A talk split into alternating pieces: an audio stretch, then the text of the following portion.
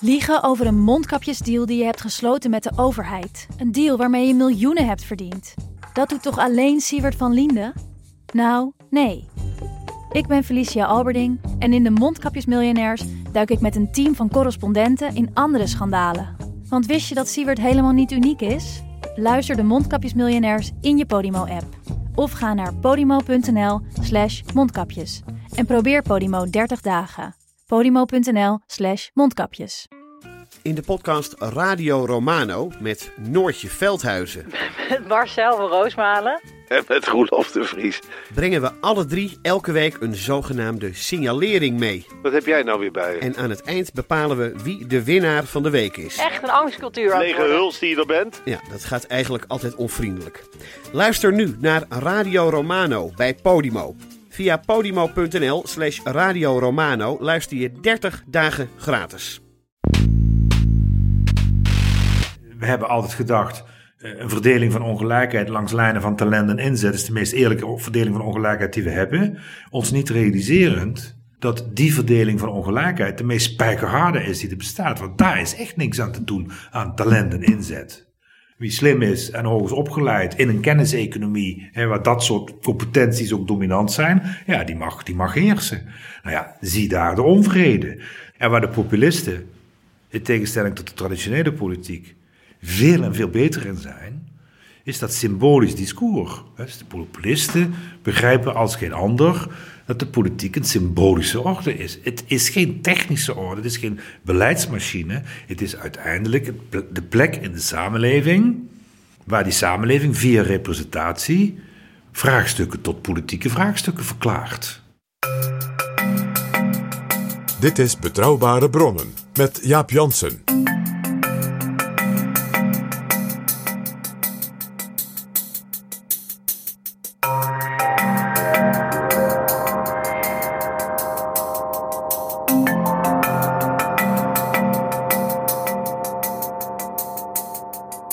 Hallo, welkom in Betrouwbare Bronnen aflevering 323 en welkom ook PG. Dag Jaap.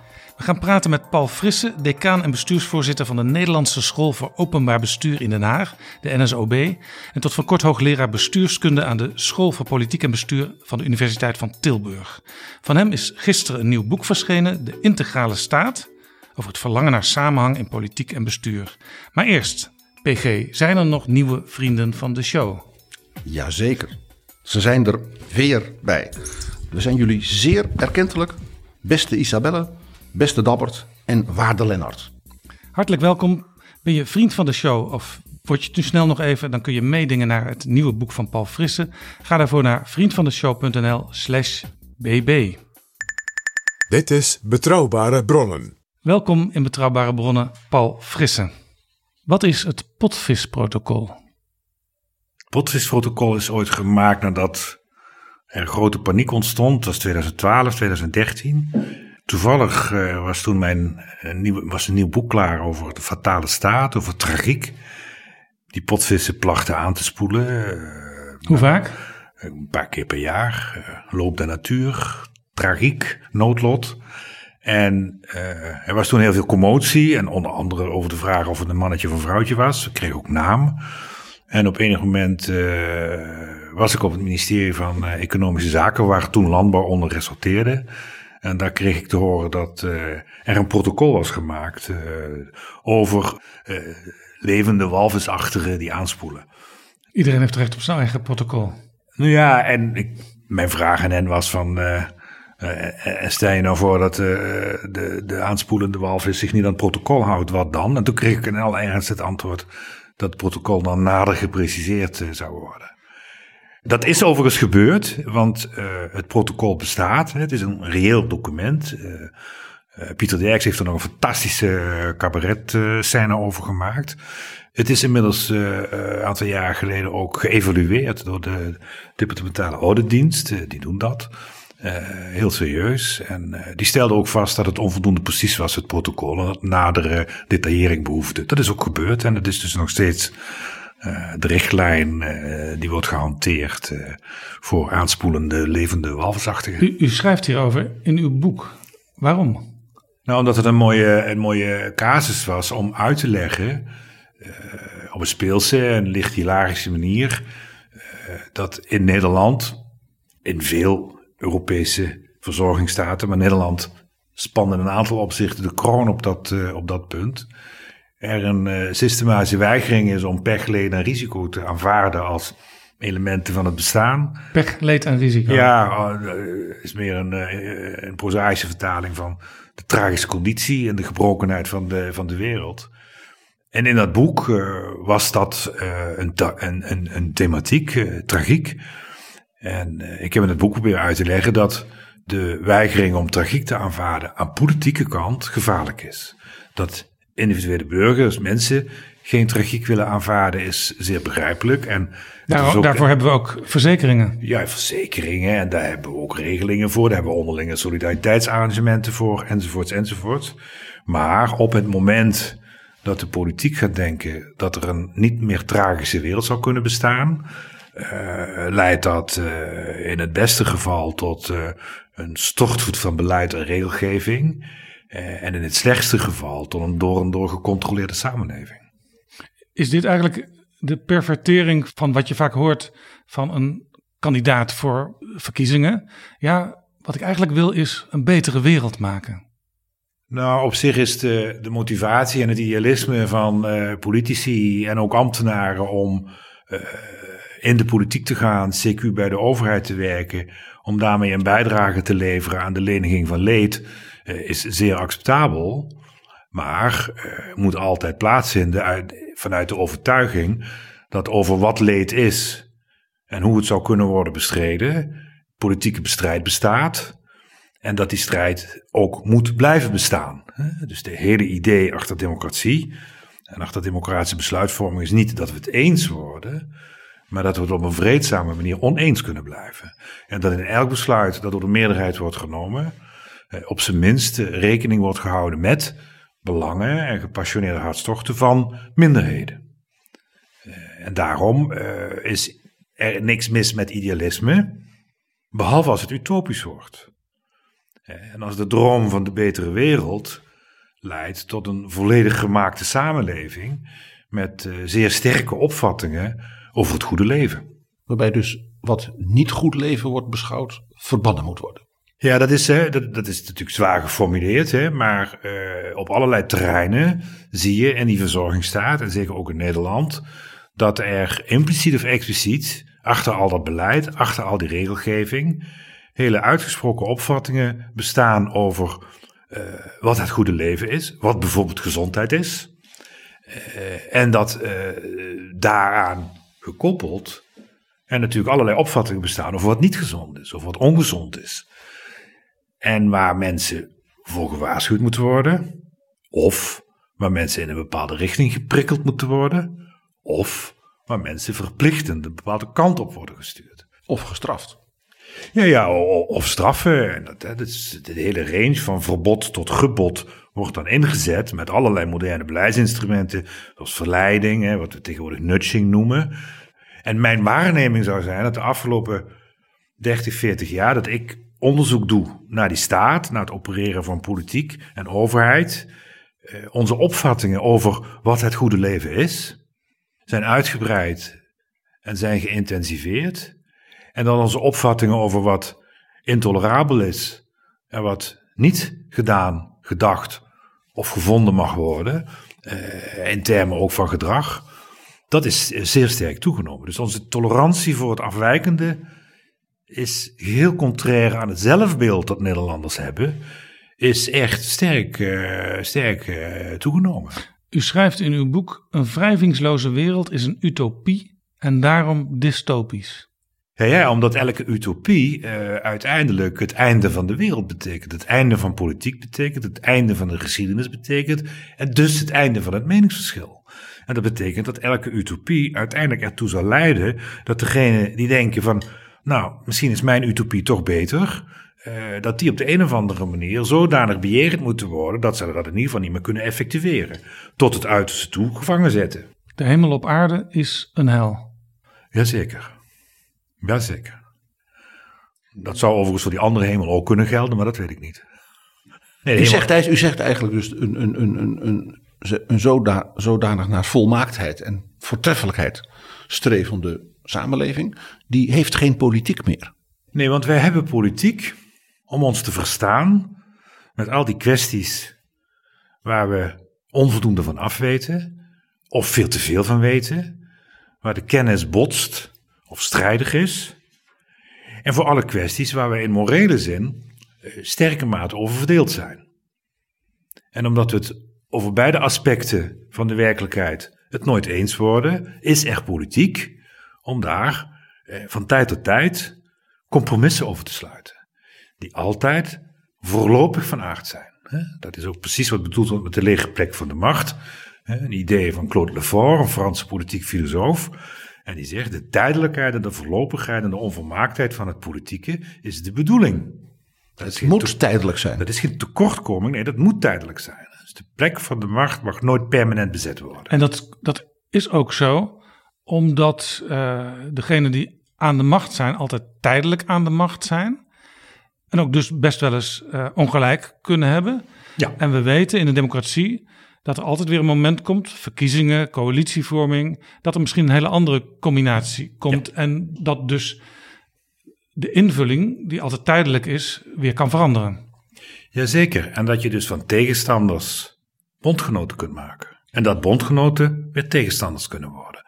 En dat dat voortdurend wordt afgewisseld hè, door compromisvorming. Daarom is het compromis ook van een grote schoonheid in politieke zin, omdat het een verzoening is tussen strijdige standpunten. Maar de tijdelijkheid is fundamenteel. En altijd onvolmaakt. Een compromis is altijd onvolmaakt. Het is onvolmaakt en het mooie van het compromis is dat het het oorspronkelijke standpunt in stand laat.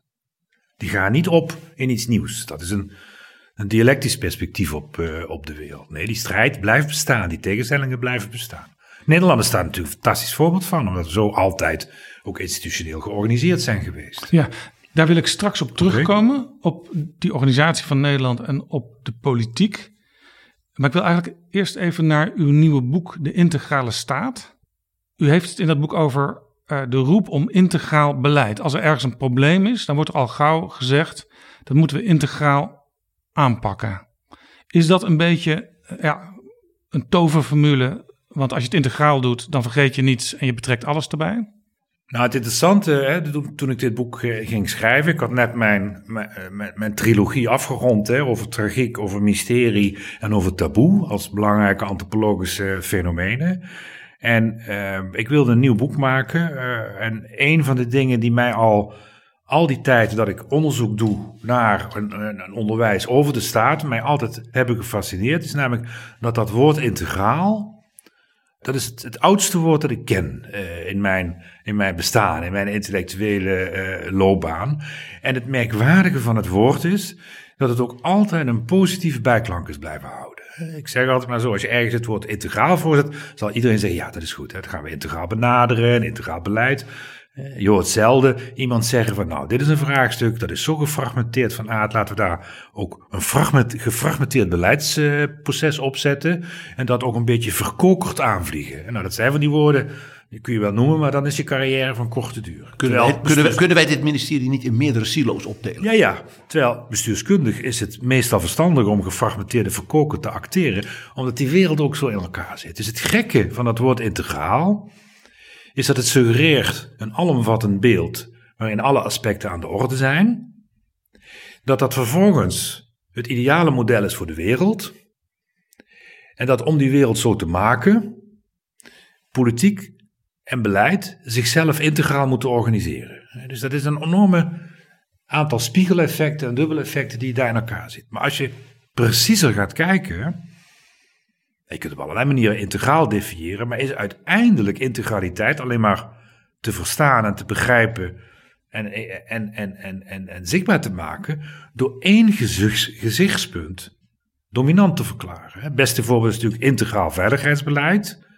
En als het over integraal veiligheidsbeleid gaat, zeg je dat je de hele wereld bekijkt vanuit een veiligheidsperspectief. Eigenlijk is dat, dat mag, dat mag Maar natuurlijk. dat is dus paradoxaal, want ja. Uh, integraal dat veronderstelt alles is erbij betrokken. Maar ja, het gaat over één deel van het beleid, namelijk in dit geval veiligheidsbeleid. En het woord veiligheid staat wel voorop. Ja, omdat die integraliteit alleen maar te realiseren is als er in ieder geval één organiserend principe is. Dat principe kan betrekking hebben op de manier waarop je het aanpakt. Dat principe kan betrekking hebben op de conceptualisering van het vraagstuk. Dat principe kan betrekking hebben op de soorten technologie of techniek die je inzet om het vraagstuk aan te pakken. Maar integraliteit is heelheid, samenhang en die kent één gezichtspunt.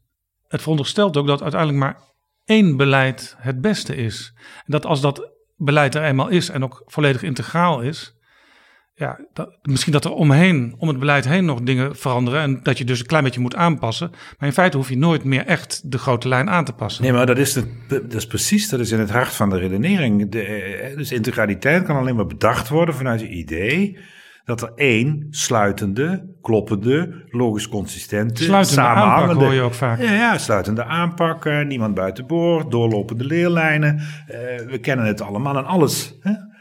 Maar dat is ook, dat is een type denken wat heel sterk voorkomt uit een bestuurlijke logica, waarbij de gedachte heerst, en die is zeer prominent aanwezig in deze vierkante kilometer van Den Haag, maar overal waar beleid wordt gemaakt, dat de wereld bestaat omdat er beleid is. En niet andersom. Dat de wereld, ja, dus dat slecht kan worden begrepen, dat de wereld groter is dan besturing, groter is dan politiek, groter is dan beleid, en dat beleid, politiek en sturing dus eh, aan de rand zitten of aan de onderkant of randvoorwaardelijk van aard zijn.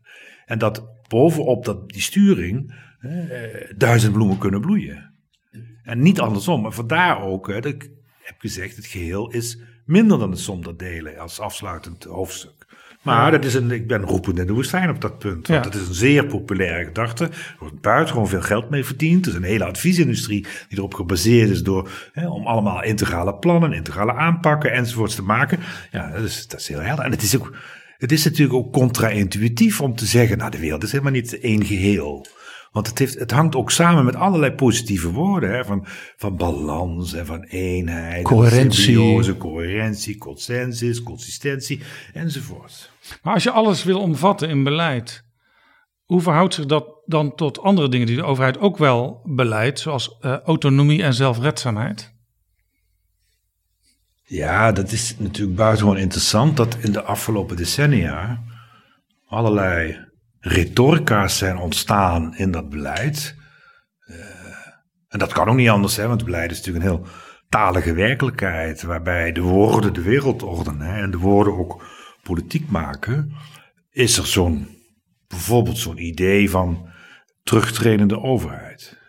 Dat luisteren we echt al 30, 40 jaar heeft allerlei verschillende namen gehad. Het was privatisering, het was deconcentratie, decentralisatie, verzelfstandiging. Bestuur op afstand. Bestuur op afstand. Uh, de participatie, samenleving, zelfredzaamheid, eigen verantwoordelijkheid.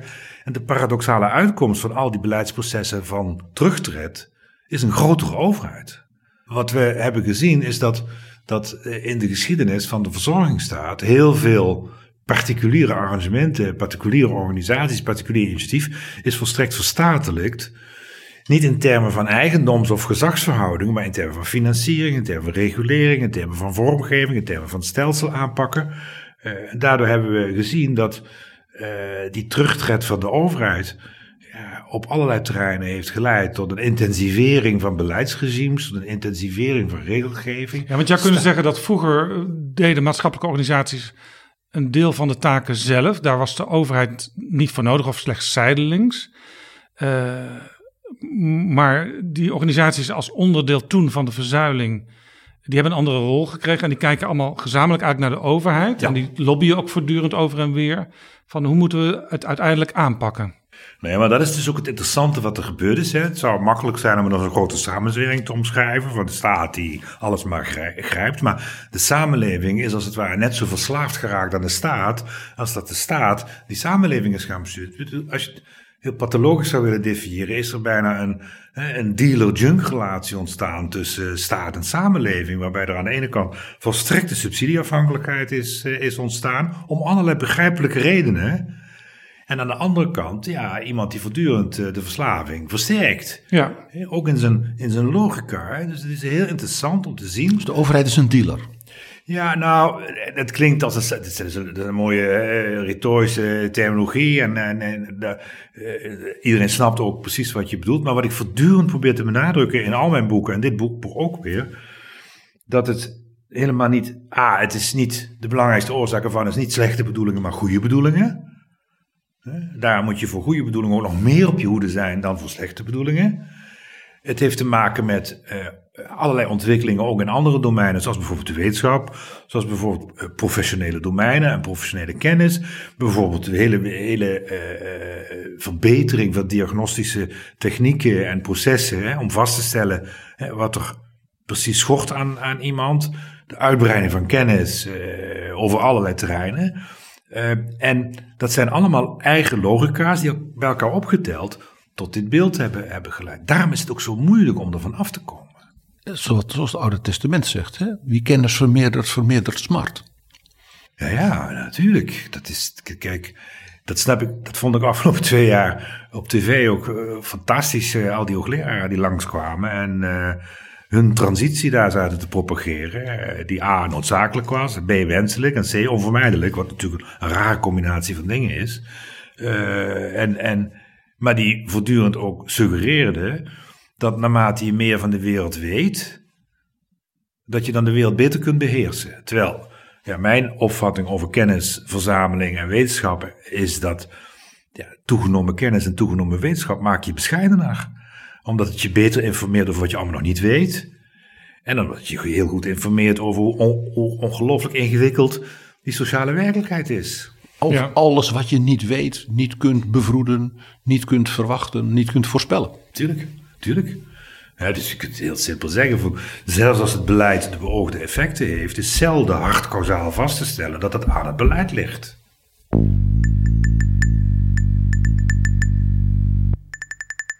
Na de Tweede Wereldoorlog hadden we de wederopbouw, letterlijk. Daarna ging de overheid, aangejaagd door de politiek, allerlei eh, sociale en andere arrangementen invullen. De jaren zeventig worden wel eens uh, gezien als uh, de hoogtijdagen van het maakbaarheidsdenken. Daarna kreeg je natuurlijk Lubbers, je kreeg Paars. En dat was de tijd waar u net aan refereerde dat de, de overheid toch pretendeerde een stapje terug te willen doen. Maar als ik u zo hoor, dan is het maakbaarheidsdenken nooit echt verdwenen. Nee, sterker nog, uh, ik zou zeggen dat het maakbaarheidsdenken groter is dan ooit. Waar we het in de jaren zeventig nog vooral ter linkerzijde van het politieke spectrum konden situeren, is het nu kamerbreed uh, aanwezig door alle partijen, door alle partijen heen. En is ook die zogenaamde neoliberale terugtred. Voor zover dat die term neoliberalisme al zo'n zuivere term is. Maar goed, laten we daar even van afzien. Kun je vaststellen dat alles wat dat neoliberalisme heeft gebracht eh, allemaal, ook zelfs op het terrein van de markt, een veel grotere staat heeft eh, gebracht. Omdat die, dat marktmeesterschap, die ordening en het eh, de, de, hele mededingingsrecht heeft de staat groter gemaakt in allerlei, allerlei domeinen. Eh, en dat is wat ja, de neoliberale critici van de verzorgingsstaat nooit hebben begrepen. Speelt hier, speelt hier de opmars van ik zeg maar, de, de, de technologische revoluties digitalisering en dergelijke. Speelt hier ook een rol die men toen in de jaren zeventig dus gewoon niet had voorzien? Ja, zonder enige twijfel. Wij hebben, uh, wij waren heel vroeg, in Tilburg hebben wij uh, medio jaren tachtig onderzoeksprogramma gestart, mede op initiatief van NCS Berlin, naar de betekenis van wat wij toen informatisering noemden voor het openbaar bestuur. Dat is een zeer omvangrijk onderzoeksprogramma geworden. We hebben echt uh, een jaar of uh, vijftien uh, flink in, in geacteerd, ook internationaal allerlei dingen gedaan. U dacht toen, heeft u wel eens gezegd, de informatisering die leidt uiteindelijk tot het einde van de politiek. Ja, ik heb in mijn afscheidsreden 25 november heb ik ook gewijd aan mijn vergissingen. En dat, dat zijn een paar. Dat is dus een hele lange reden dan. Nou, nee, ik had wat ik heb gezegd. Ik heb 45 minuten. Ik moet het ook binnen 45 minuten kunnen vertellen. Want dan, dan blijft het ook echt een dus, dus reden. Eén minuut per fout. Niet zo één gewoon. Het was een hele geestige reden die ook eindigde met de zin. Maar misschien dat ik mij vergis. Ja. Nee. Een aantal mensen heeft mij ook aangesproken van dit is wel een hele uh, interessante manier om toch je gelijk te halen. Maar oké, okay, uh, eh, kijk, er zijn een paar dingen gebeurd met die technologie. Dat die merkwaardige wijs heeft die uh, mogelijk gemaakt om op massale schaal zeer complex en zeer gedetailleerde besluitvormingsalgoritmen tot uitvoering te brengen. Dus waar nu uh, in het debat in Den Haag de suggestie wordt gewekt dat via maatwerk en menselijke maat uh, de oplossingen gloren, zou je ook cynisch genoeg kunnen zeggen dat wat in de toeslagenaffaire is gebeurd, eigenlijk een radicale vorm is van het via technologie toepassen van de menselijke maat. Van een specifieke opvatting over de menselijke maat en van maatwerk om zo precies mogelijk op grond van risicoberekeningen in beeld te brengen. Hè, van u draagt nu een blauw colbert, daaronder een lichtblauw overhemd, u heeft zo'n soort bril, uh, u woont daar en daar, u heeft dit type gedrag. Wij weten uit al onze databestanden en de koppelingen daartussen dat u dan risico A vertoont op het gedrag ei. Ja, je zou bijna dat deze... is natuurlijk niet op individueel Ja, niveau waar. in deze en dat redenering- mag ook helemaal niet rechtsstatelijk. Nee, je zou in Dat is deze, als bureaucraat zou je in deze redenering dus eigenlijk kunnen zeggen...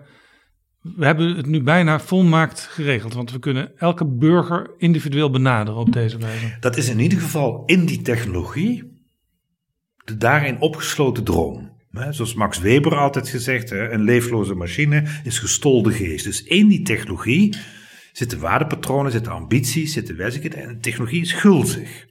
De technologie die eenmaal begint, slokt voortdurend nieuwe terreinen op, breidt zich uit.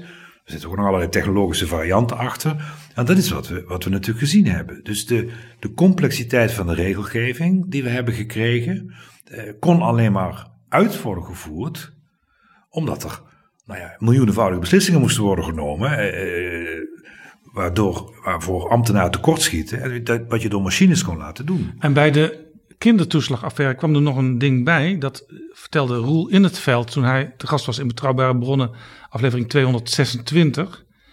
Hij maakte eigenlijk een analyse hoe door een combinatie van perfectionisme, dat is eigenlijk wat we nu bespraken, Ja, dus die, die, die, dat, dat, dat bijna volmaaktheidsidee. combinatie daarvan met het wantrouwen van de overheid jegens de burgers, Want die zijn niet volmaakt. is het systeem overbelast geraakt.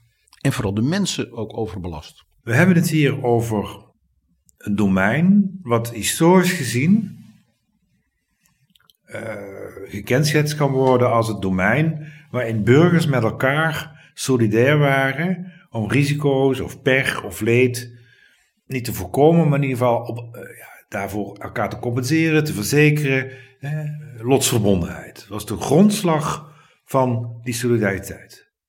Ook daar werd op gelet. Ook daar werd gekeken of mensen niet eh, er onterecht gebruik van maakten. Maar dat was, het was bovendien gevarieerde lotsverbondenheid. Want protestanten waren op hele andere manieren solidair dan katholieken. Enzovoorts, enzovoorts. Dat is begin vorige eeuw in een lange, in lange geschiedenis is dat geleidelijk aan allemaal verstatelijkt. Met als belangrijke argument, in ideologische zin, niet langer afhankelijk van de andere burger, de kerk of de samenleving, de caritas, de bedeling, maar rechten en aanspraken, gegarandeerd door de staat. En gelijk. En gelijk voor iedereen. In de tweede plaats het uitsluiten van free riders, hè, dat je kon meeliften op het systeem, door collectieve financiering. Eh, iedereen betaalt mee. Allemaal hele legitieme en begrijpelijke argumenten. Die uiteindelijk hebben geleid tot een systeem en tot een verzameling arrangementen waarin steeds meer controle, uitvoerings- en handhavingsargumenten dominant zijn geworden ten opzichte van solidariteitsargumenten. Letterlijk in de memorie van toelichting van de fraudewet. Die wet is er gekomen na de Bulgarenfraude. We hebben daar een groot onderzoek naar gedaan aan school eh, de- twee jaar geleden. Buitengewoon interessant. Ik heb dat filmpje nog eens opgezocht van Brandpunt. Heel knap filmpje. Ja. Beetje Daar zag je mensen Ja, in ook- Bulgarije met een ING-bankpasje, zo'n oranje geld bankpasje, uit de muur. in hun land, Bulgarije, geld uit de muur halen. Ja, maar het was, ook, het was ook heel knap gemaakt. Het was een beetje trillende camera, een beetje roadmovie-achtige ensenering. Nou ja, de dag daarna, hè, bij wijze van spreken, kan ook de week daarna zijn geweest, een heftig kamerdebat. Daar kwam uit, dit moeten we streng gaan Nou ja, aanpakken. maar de- 150 Kamerleden stemden voor. Sterker nog, aan de grote protagonisten waren mevrouw Leijten en meneer Omtzigt.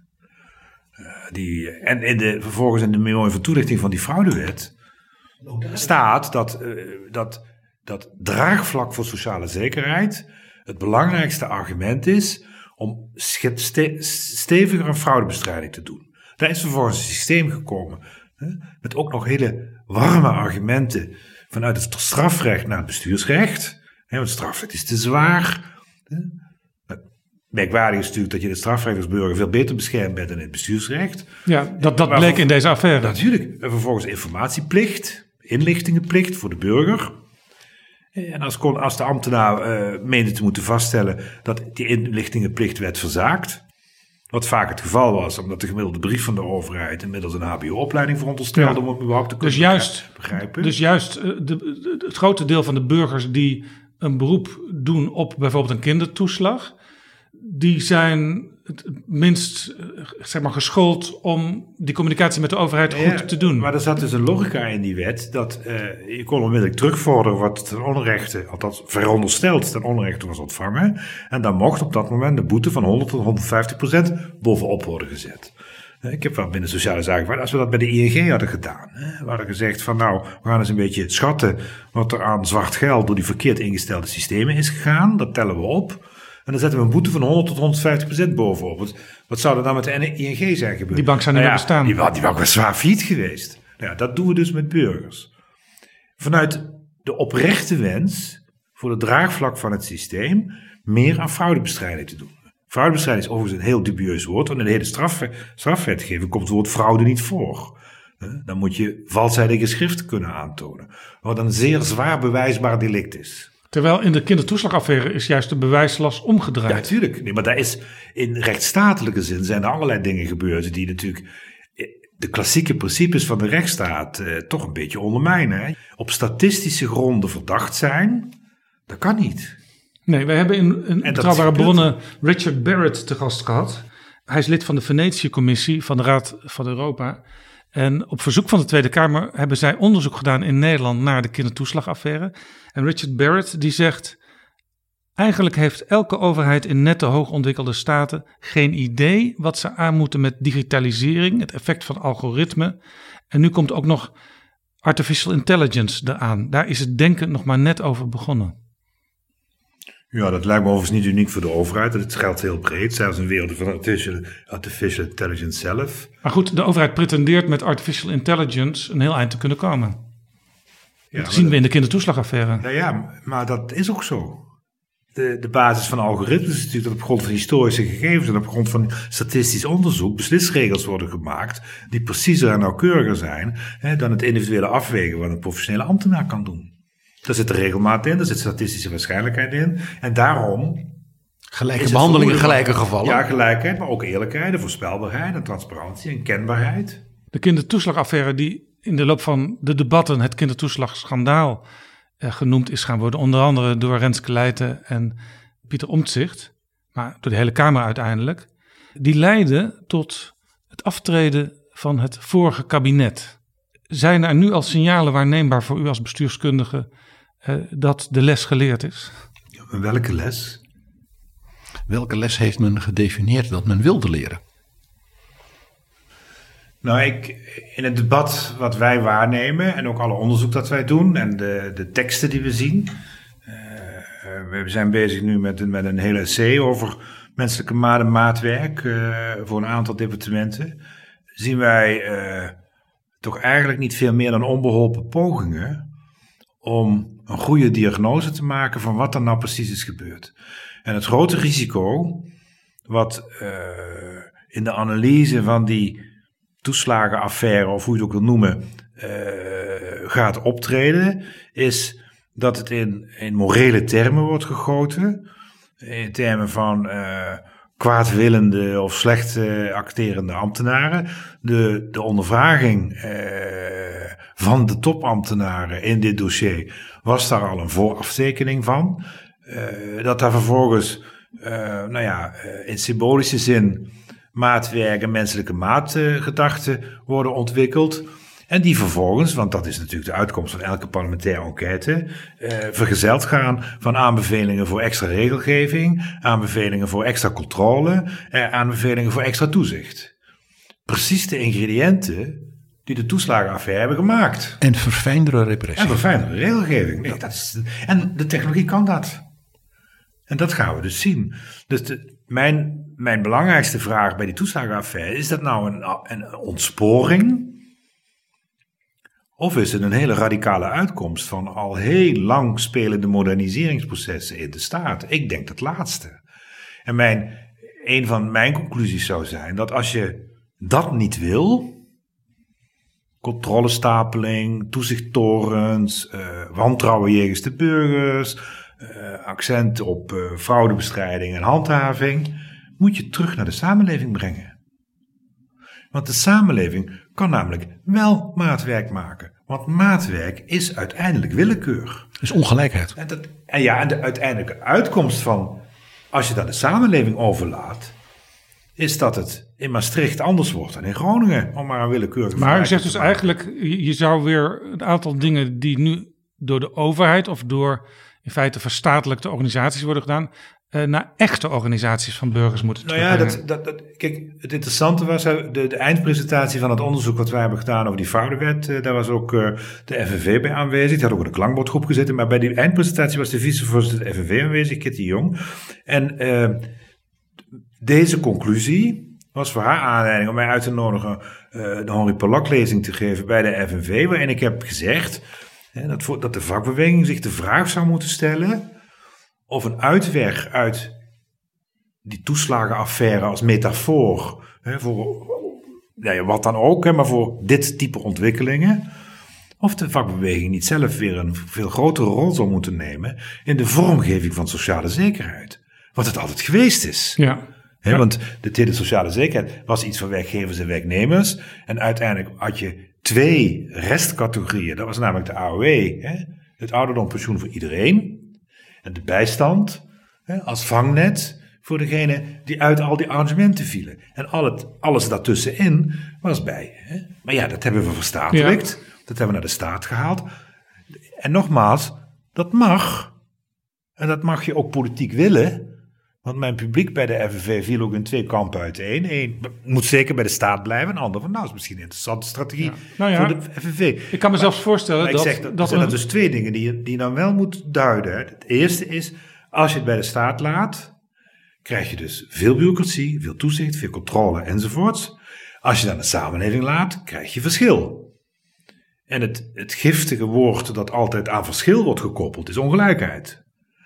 Want, en dan gaat het heel simpel, hè, dan komt er een cameraploeg langs en die stelt vast hè, dat door de veranderingen van maatschappelijking van de sociale zekerheid het in die tak van de industrie totaal anders is geworden dan in die tak van de industrie. Sterker nog, als de sociale dienst in Deventer het heel anders doet dan de sociale dienst in Amstelveen, dan komt er een Tweede Kamerdebat. komt er een Kamervraag hè, en de vraag luidt aan de minister, is de minister bekend en wat gaat hij eraan doen?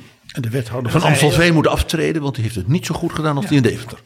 Nou ja, en er zijn weinig ministers die dan terugzeggen tegen de Kamer. Ja, maar dat is precies de bedoeling van als je het vermaatschappelijk, dat er verschil ontstaat. Want als er, als er geen verschil eh, mag ontstaan, ja, dan moet je het vooral centraal, collectief en eenduidig doen. Ja, ik kan me overigens voorstellen, u, u zei bij dat FNV-publiek was men verdeeld over Ja, dit idee. tuurlijk, dat maar dat, ik. dat een deel van de FNV wel positief hierover is.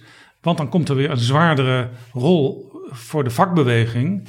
En krijgen ze ook misschien weer meer leden. Nou ja, het lijkt mij eh, op allerlei terreinen. A is op allerlei terreinen eigen initiatief van burgers gaande.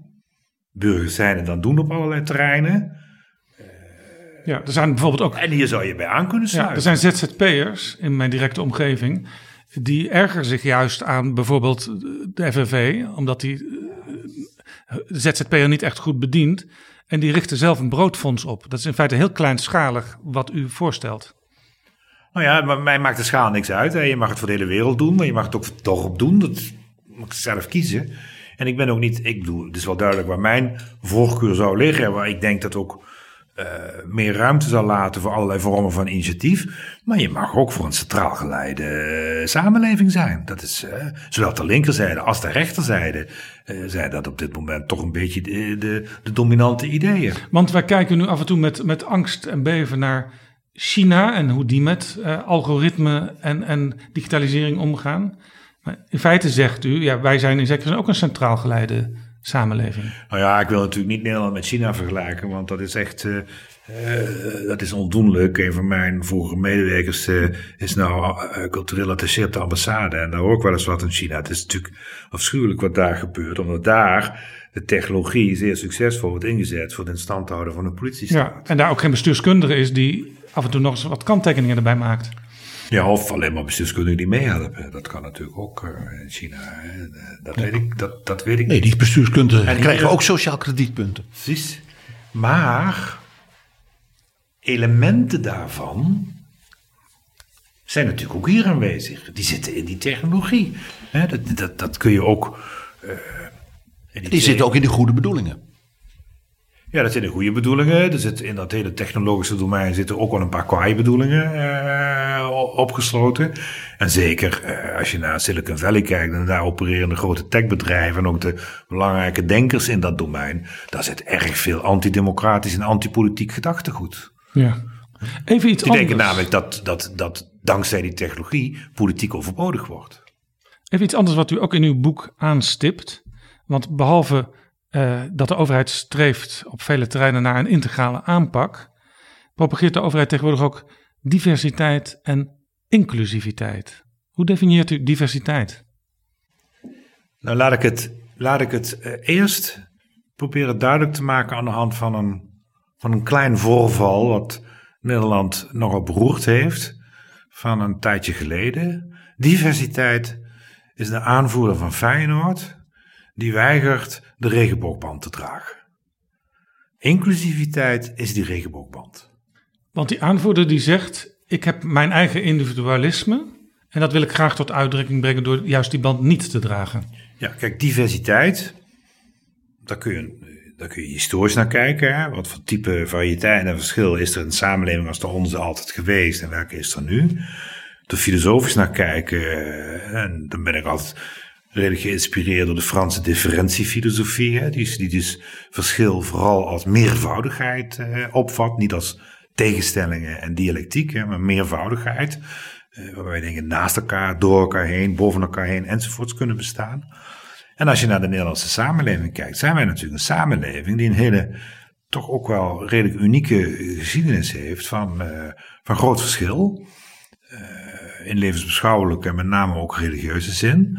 We hebben ook uh, gewoon burgeroorlog gehad in Nederland. En sterker nog, het geloof waar ik het voorkomt is ook vrij lang verboden geweest. Katholieke geloof? Uh, ja, dat kunnen we. Ja, dat wordt nu, we kunnen nu heel romantisch over schuilkerken praten enzovoorts. Maar het waren natuurlijk toch wel gewoon ondergrondse kerken. En wat weinig Nederlanders weten is dat tot in de, tot in de jaren tachtig was het in Nederland verboden om processies op de openbare weg te houden. Nou, er is maar één religie die echt processies houdt en dat is uh, die. Dus, dus in die zin hadden wij een, hebben wij een geschiedenis gehad die, uh, die, die in die zin heel erg uh, ingewikkeld was. Van termen van tegenstellingen, maatschappelijke strijden, maatschappelijk conflict.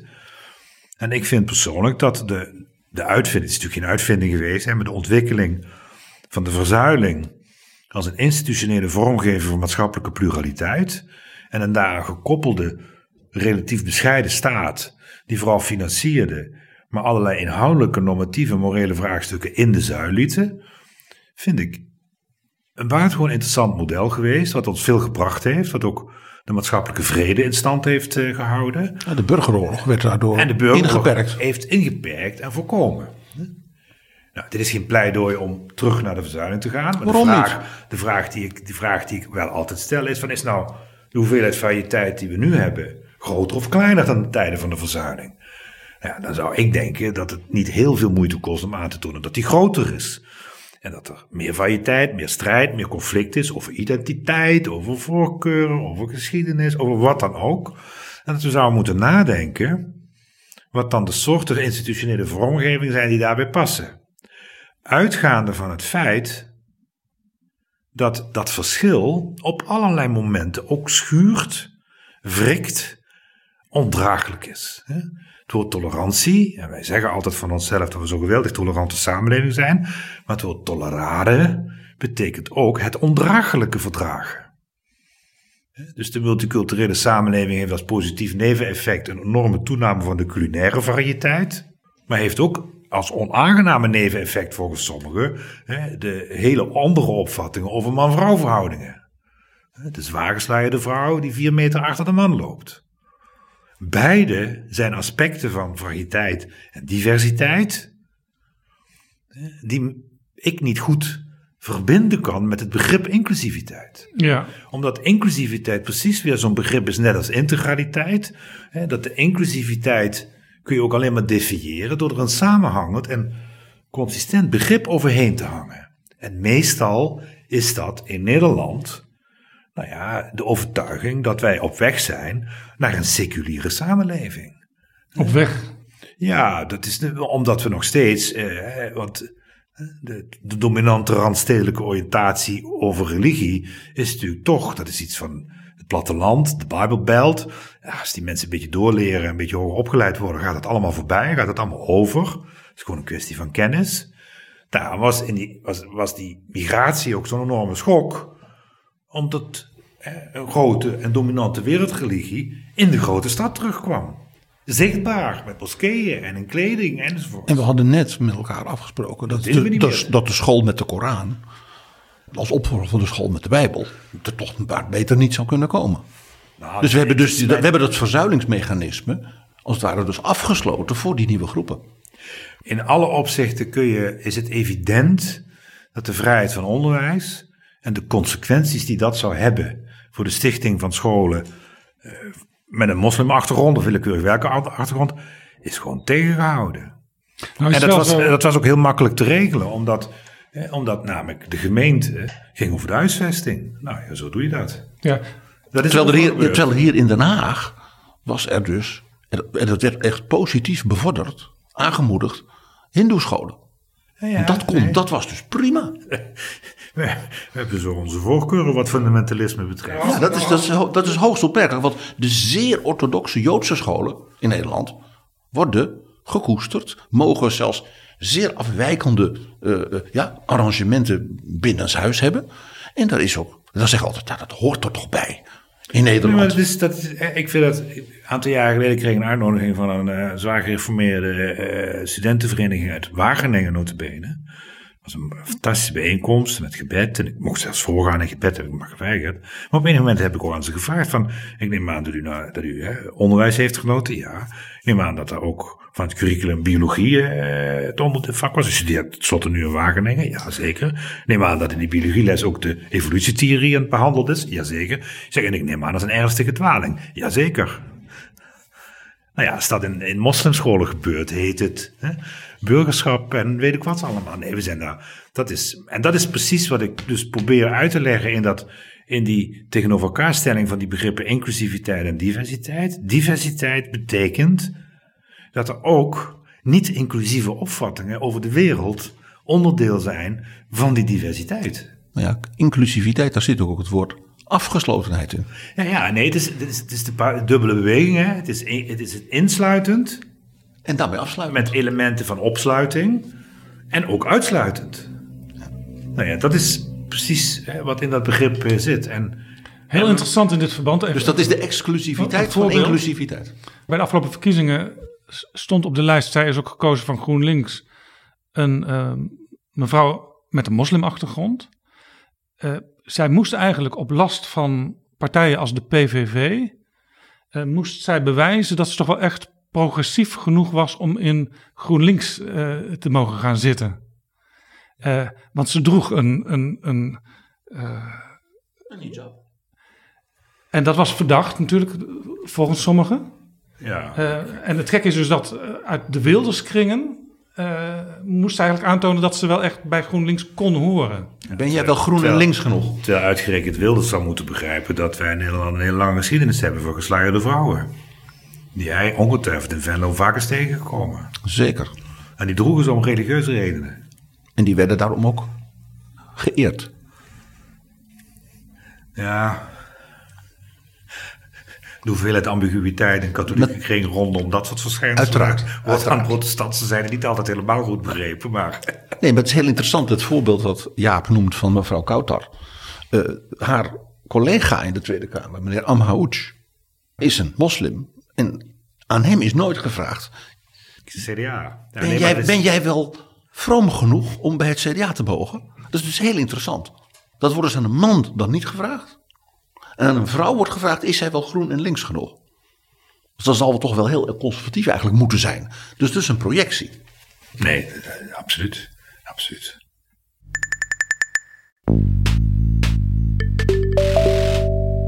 Dit is Betrouwbare Bronnen, een podcast met betrouwbare bronnen.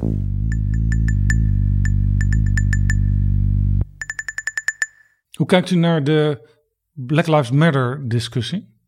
Want ook dat heeft, zou je kunnen zeggen, met emancipatie te maken, maar wel op een hele verregaande manier. Namelijk, we gaan ook weer kijken naar wat er 150, 200 jaar geleden allemaal gebeurde.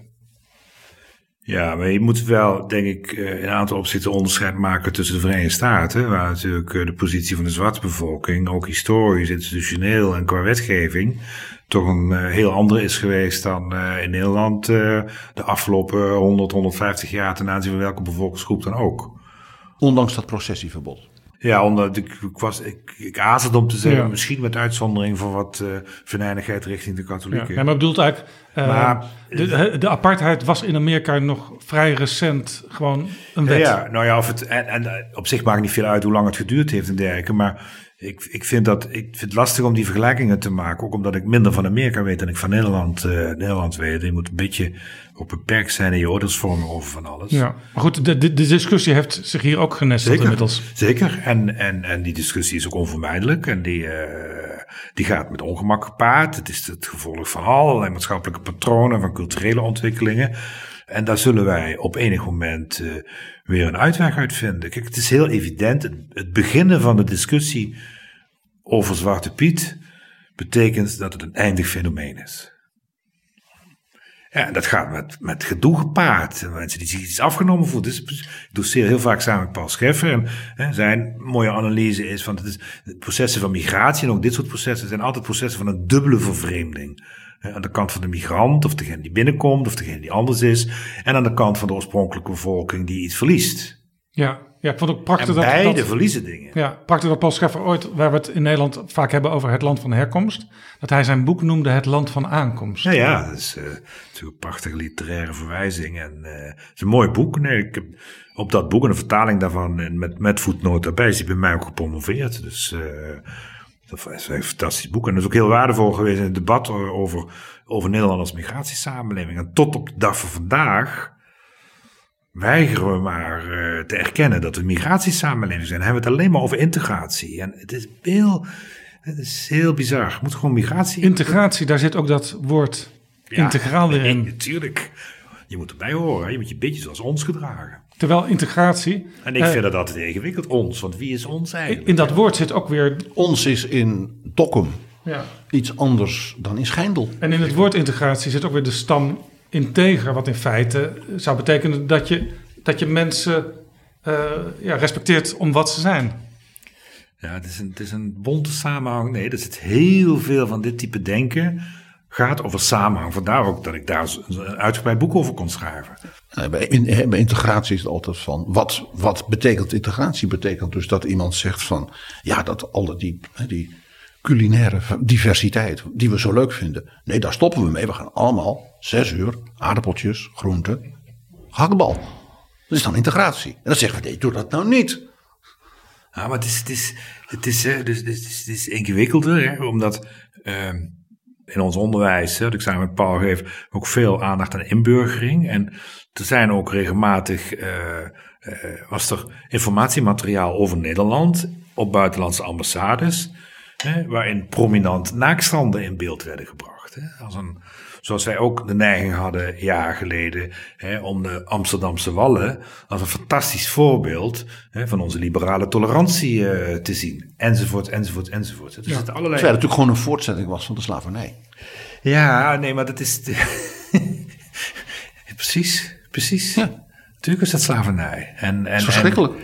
en uh, nou ja, en daar gaat het debat over. Ja. Dat, dat, leidt dus tot, tot, maar, tot strijd en conflict. En uh, ja, dat kan ook niet anders. U gebruikte net het woord inburgering. Dat is ook weer zoiets. Ja. Dat zegt dus eigenlijk, jij bent geen burger. Jij moet er nog in groeien. Ja, en het, Je bent dus nog niet integer, integraal burger. Ja, ja, er is iets van een geheel waar je in moet uh, terechtkomen. En er gelden voorwaarden voor toetreding. En het woord uh, burgerschap is natuurlijk een heel problematisch begrip, omdat in mijn perspectief is burgerschap een eenzijdige relatie die ik heb met de staat. En uh, niet andersom. Het, het, kan niet zo zijn dat de staat mij vertelt wat burgerschap is. Uh, we hebben met elkaar een aantal afspraken gemaakt over wat die staat wel en niet mag. die staat is er paradoxalerwijze ook om ons tegen hem te beschermen. En wat, wat de burger doet, definieert hij zelf. Hij of zij zelf. Ja. En dus is ook, en, ook de hele idee. En die staat heeft tegenwoordig het liefst dat je als je naar Nederland wil migreren of asiel wil aanvragen, dat je in het land van herkomst al een eh, formulier invult waarin je allerlei vragen beantwoordt. Die bewijzen dat jij ingeburgerd raakt. Zodat ze in Den Haag kunnen kijken of jij eigenlijk wel welkom bent. En ik heb wel eens zo'n formulier gezien, het is al wel lang geleden, dus waarschijnlijk zal het nu al lang verdwenen zijn eruit, hoop ik. Maar er stond onder andere een vraag in van, is het in Nederland gewenst om om zes uur s'avonds bij je buren aan te bellen. Ja, dat stond in een inburgerexamen een eh, jaar geleden. Ja, dat klopt. Maar toen zaten ze natuurlijk, eh, wat, waar PG het net over had, aan die aardappels eh, met jus. In allerlei delen van Nederland is dat ook zo. En uh, mag je ook niet binnenkomen. Maar daar is Nederland was vroeger ook altijd al verschillend. Hè? Want uh, ik kom met een deel van Nederland waar je best om zes uur aan mocht bellen. En je gewoon mee mocht eten. En wat eten dan ook beter was. Ja. Had je overigens wel was ook dichter bij België. En het zondebesef ook zwakker ontwikkeld. waarschijnlijk hadden jullie toen ook, zoals in mijn familie, bepaalde ooms die dan juist altijd langskwamen. Want dan wisten ze, er staat eten op tafel. Tuurlijk. Tuurlijk. Ik, ik, ik denk dat ik hier twee Brabanders hoor. Nee, ik ben geen Brabander. Nee, ik ben Limburg. Dat is echt iets heel anders. Dat is echt iets heel anders, hè? Ja. ja. Ik, ik, ken een politieke partij waar ze het dan hebben over het zuiden. En dan zeg ik altijd in die politieke partij, vrienden, dat Brabant is niet hetzelfde als dat Limburg. Dat zijn twee heel verschillende dingen. En die zijn ook heel erg elkaars rivalen. Sterker nog, de macht in zo'n partij. Maar de, de rest heeft het dan over het zuiden. Sterker nog, uh, als het in Limburg over Limburg gaat, bedoelt men meestal Zuid-Limburg. U heeft overigens eh, meegeschreven aan een rapport over de Limburgse bestuurscultuur. Onder de titel Engelen bestaan niet. Wat, wat bedoelde u met die titel? Ja, die is buitengewoon slecht begrepen. En die heeft tot allerlei uh, kritiek geleid. Hè, dat dat een titel zou zijn die de werkelijkheid bagatelliseert. Notabene ook uh, door collega-bestuurskundigen. Ja, want u, u, die kennen hun basis. Keek, uh, die kennen onder andere naar de vraag: in hoeverre is er corruptie in Limburg en wat betekent dat en wat moeten we daarmee doen? Nee, dat was de vraag niet. De vraag was, uh, hoe is het gesteld met de Limburgse bestuurscultuur? En is de Limburgse bestuurscultuur van die aard dat die uh, integriteitsschendingen uh, bevordert, faciliteert, mogelijk maakt enzovoort? Ja. Dat was de vraag. Nou ja, integriteitsschendingen, dat vertaal ik dan als corruptie. Oké, okay, nou dat mag, maar... Er zijn meerdere vormen van ja. integriteit. Nee, het punt is dat, kijk, we hebben ons, ons onderzoek heeft ertoe geleid dat wij, laten we zeggen, twee conclusies hebben getrokken. De eerste conclusie was: het zijn net Nederlanders, die Limburgers. Komma, dat is in het geheel geen geruststellende mededeling. Twee, laten we eens wat minder over integriteit en dat soort kwesties praten. En laten we het dus wat meer hebben over checks en balances. En vervolgens is de titel van het rapport Engelen bestaan niet ontleend, en dat zou die bestuurskundige echt moeten weten, aan de Federalist Papers. En daar zit een beroemd essay in van Madison, met de tekst: If men were angels, no government would be necessary. And if government is to be run by men, strong administrative controls are necessary. De idee achter die titel was dus basistekst uit de Federalist Papers, en dat zijn de teksten die voorafgaan aan de Amerikaanse constitutie. En het zijn de basisteksten over checks and balances en het belang daarvan. En de notie is, mensen zijn geen engelen. Mensen zijn tot zonde geneigd. Ja, ja. en de Handelsblad schreef toen over uw rapport, het lijkt wel of ze het vergoelijken in dat rapport. Ja, ja. Ja, en, en, het, het, was vergoeilijkend. En, en bovendien hadden we het aangedurfd om, uh, van een overigens vrij omvangrijk rapport, een paar pagina's te wijden aan de media. En hebben we daar ook vastgesteld dat de media een belangrijke rol hebben gespeeld in het beeld dat als ik in deze vierkante kilometer het woord Limburgse bestuurscultuur noem, iedereen uh, mild ironisch begint te glimlachen. En toen ik door de waarnemend gouverneur Remkes werd gevraagd uh, om aan deze commissie deel te nemen, heb ik ook gezegd, moest ik even testvragen hebben. Uh, ik zeg ja, toen ik in, deze, in mijn kringen dit deed, begonnen ze altijd mild ironisch te glimlachen. En toen heb ik maar één naam genoemd. Oh ja, zegt hij, wat dan? Zeg ja, Hoijmaiers. Uh, oh, Remkes. Ton Hoijmaiers gedebuteerde in Noord-Holland. En Remkes was CDK in Noord-Holland. En Remkes zelf zei, en dan vergeet u nog, die twee wethouders in Den Haag toen ik daar waarnemend burgemeester was. Toen wist ik, nou deze man deugt, hè, die is niet uit om een, om een, om een operatie reiniging Augiëstal. Heeft ook niet het beeld dat corruptie begint onder Sittard. Uh, maar dat is in Nederland uh, en in veel kranten is dat nog steeds wel het dominante denken. Sterker nog, als de zaak van de mos wordt behandeld in de krant, staan er lijstjes in hoe vaak in Limburg mensen veroordeeld zijn. En een Noord-Hollandse bestuurscultuur, dan wordt er niet ironisch geglimlacht. Ja, en ik zeg ook altijd, maar ik heb voor zover ik weet, is Roy geen Limburger. Het was wel een partijgenoot van uh, de heer Remkes. Zeker. En uh, waar in Limburg altijd gezegd is dat, dat de corruptie zich concentreert in de KVP, CQ, CDA, zijn alle landelijke getallen veel meer VVD. Ja, ik kan me voorstellen dat Jos u, van Rij was geen CDA. Ik kan me voorstellen dat, u, dat u daar niks over wil zeggen, maar hoe kijkt u naar die zaak De Mos, die nu voor de rechter is? Oh, daar weet ik onvoldoende van om dat te kunnen, om dat te kunnen beoordelen. Uh, wat ik herken en, en wat ik lees, uh, is natuurlijk dat de grens tussen uh, belangenverstrengeling en cliëntelisme en ombudspolitiek niet heel scherp te trekken is. Sterker nog, je hoeft niet heel ver zuidelijk te reizen om een politieke zelfopvatting te hebben waarbij dienstbetoon, zo heet het daar ook, een hele legitieme en ook vanzelfsprekende activiteit is die politici verrichten. Uh, sterker nog, zoals een districtenstelsel ook altijd deze effecten heeft. Hè, dat dan voor je eigen district doe je extra zaken. Sterker nog, in Amerika wordt gewoon in beeld gebracht wat de senator realiseert voor zijn staat. Het komt nog steeds wel voor. Hoeveel bruggen, uh, uh, legerbasis en reparaties van het vliegveld. En de debatten over het Groningen gas en de aardbevingen worden ook voor een deel gedaan door Kamerleden uit Groningen. Ja. Want die kunnen dat beter inleven, is dan het idee die notie, hè, engelen bestaan niet, is heel fundamenteel. Uh, om je ook te beseffen dat de staat nou eenmaal dingen doet die als wij ze zouden doen immoreel zijn. De staat mag mensen gevangen zetten, de staat mag, mag mensen uh, onteigenen. onteigenen, mag afpakken, mag belasting heffen, mag ze doodschieten uiteindelijk. Allemaal dingen die als wij zouden doen stelen en moorden zouden heten. De, de brief van Paulus aan de Romeinen, het dertiende hoofdstuk. De overheid draagt het zwaard niet te vergeven. Absoluut. Absoluut. Paulus wordt ook nog geciteerd in het laatste hoofdstuk. En dat was ook omdat Paulus zei, mensen zijn onvolmaakt. En dat is die overheid ook. En die Romeinen roepen daarom dat hun keizer van God is. En dat is helemaal een bewijs van onvolmaaktheid. Want hij is ook maar een mens. In mijn wijze van zien hè, is dus alle aandacht voor moraliteit en integriteit, uh, uitgerekend gericht op de overheid, mist een aantal punten. Namelijk dat die overheid moet handelen in een samenleving die moreel verdeeld is. En dat de, dat de overheid het zwaar draagt en daarom een aantal dingen mag, hè, die in ethische zin aan burgers niet te rechtvaardigen zijn. Je kunt niet iemand ethisch gevangen zetten. Dus ik zou niet weten hoe dat moet. En dus is dat, is dat integriteitsdiscours heeft een aantal giftige trekken, want dat moraliseert het hele debat over politiek. En dat is fout. Ja, ja, dat is natuurlijk. Dat zou, dat zou, dat zou uiteindelijk betekenen dat politiek een universele eh, positie gaat innemen.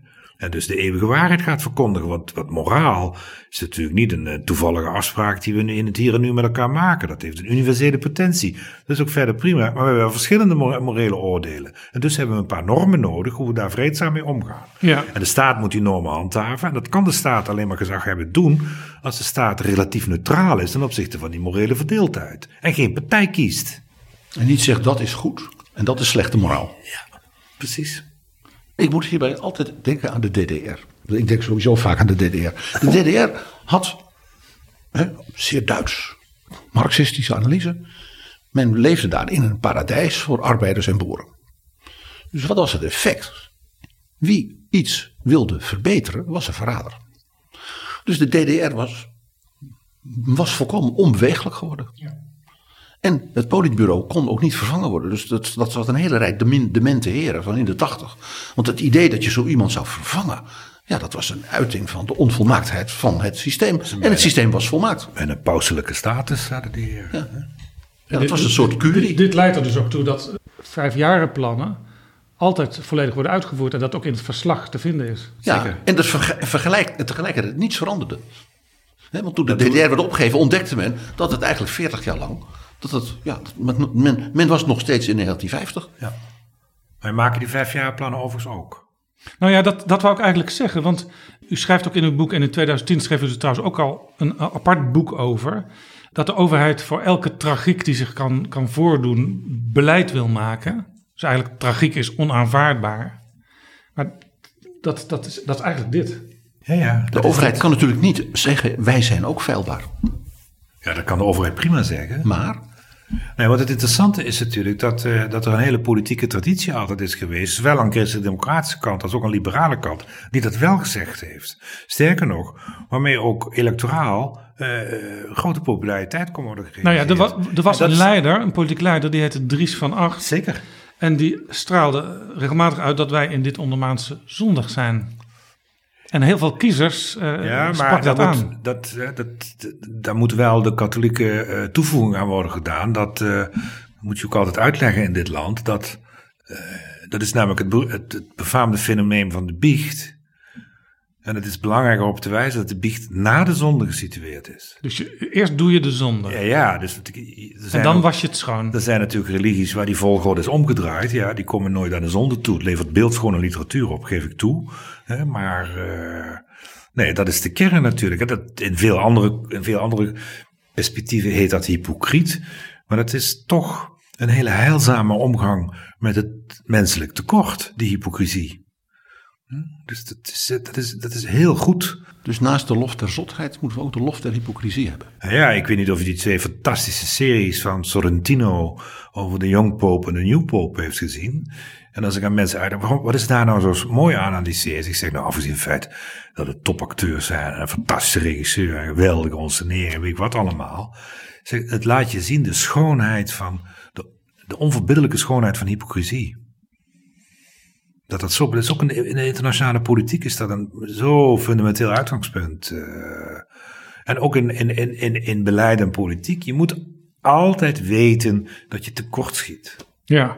Je moet altijd weten dat, dat we onvolmaakt zijn. Dat we dus domme dingen doen. Dat we zondig zijn. eh, Onverstandig ook vooral.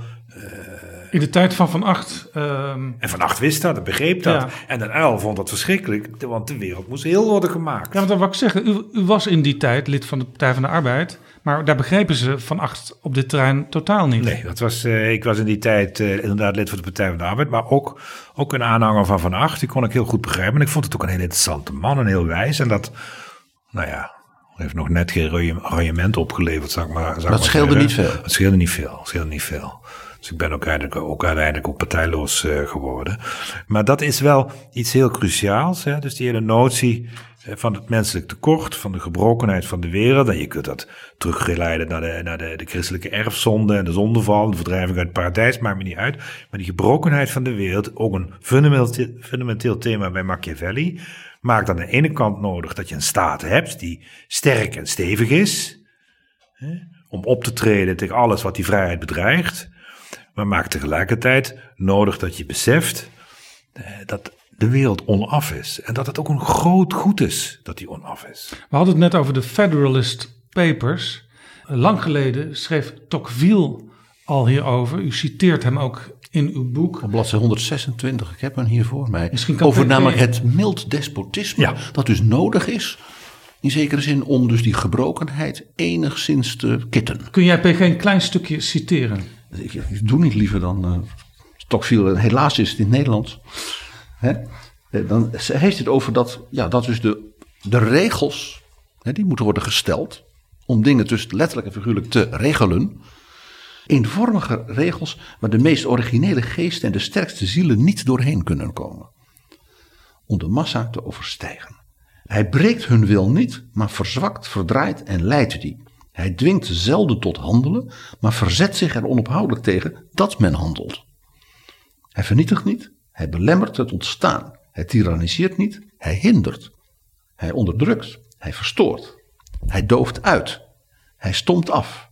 En hij reduceert uiteindelijk elke natie tot een kudde schuchtere en vaardige dieren waarvan de staat de herder is. Hoe lang geleden is dit geschreven? 1840. Ja, het zijn echt, het zijn echt fenomenale teksten, omdat ze als het ware de hele logica van de verzorgingsstaat aankondigen. 1840. Dus, Als dus, een- het denk- als een- dus dat is het denkwerk van deze to- toen nog, nog redelijk, redelijk, relatief jonge, Jazeker. jonge Franse Jazeker. aristocraat over wat was dat nou, die revolutie bij ons? Absoluut. En hij, dat is ook een prachtig boek, omdat hij enerzijds hè, is hij natuurlijk door en door aristocraat, ook zijn familie, zijn familie ook zeer geleden onder de Franse revolutie. Maar hij laat in dat boek zien hè, dat de democratie onafwendbaar is. En dat het dus ook de, de, aristocratie zal beëindigen. En hij noemt dat een vorm van mild despotisme, wa- wat dus een soort ander despotisme is dan het despotisme van de feodaliteit. Maar juist in die mildheid zit het gevaarlijke, het onderdrukkende, het neerslaan. Nou, als je dat naar de huidige tijd doordenkt, kun je zien dat die verzorgingsstaat, als het ware de meest. En natuurlijk is dit geen, eh, geen oproep om je zo te gedragen, maar het meest, je bent het meest effectief als burger in de verzorgingsstaat als je slachtofferschap weet te vertonen. Want dan is er een regeling voor je. Nou ja, mijn, mijn dochter doet veel voor statushouders en eh, heeft een onderneming op dat gebied. En eh, we zijn het over allerlei dingen niet eens, maar wel over dit fenomeen. En zij zegt, ja, mensen die, die vluchten, ja, daar kun je toch van uitgaan dat die een zekere mate van moed hebben. Want huis en haat verlaten, wij zouden het niet doen. Hè? En, en ze zegt, ze zijn nog geen twee weken in Nederland de grens over, of ze zijn tot slachtoffers gemaakt. Omdat onze arrangementen zo werken.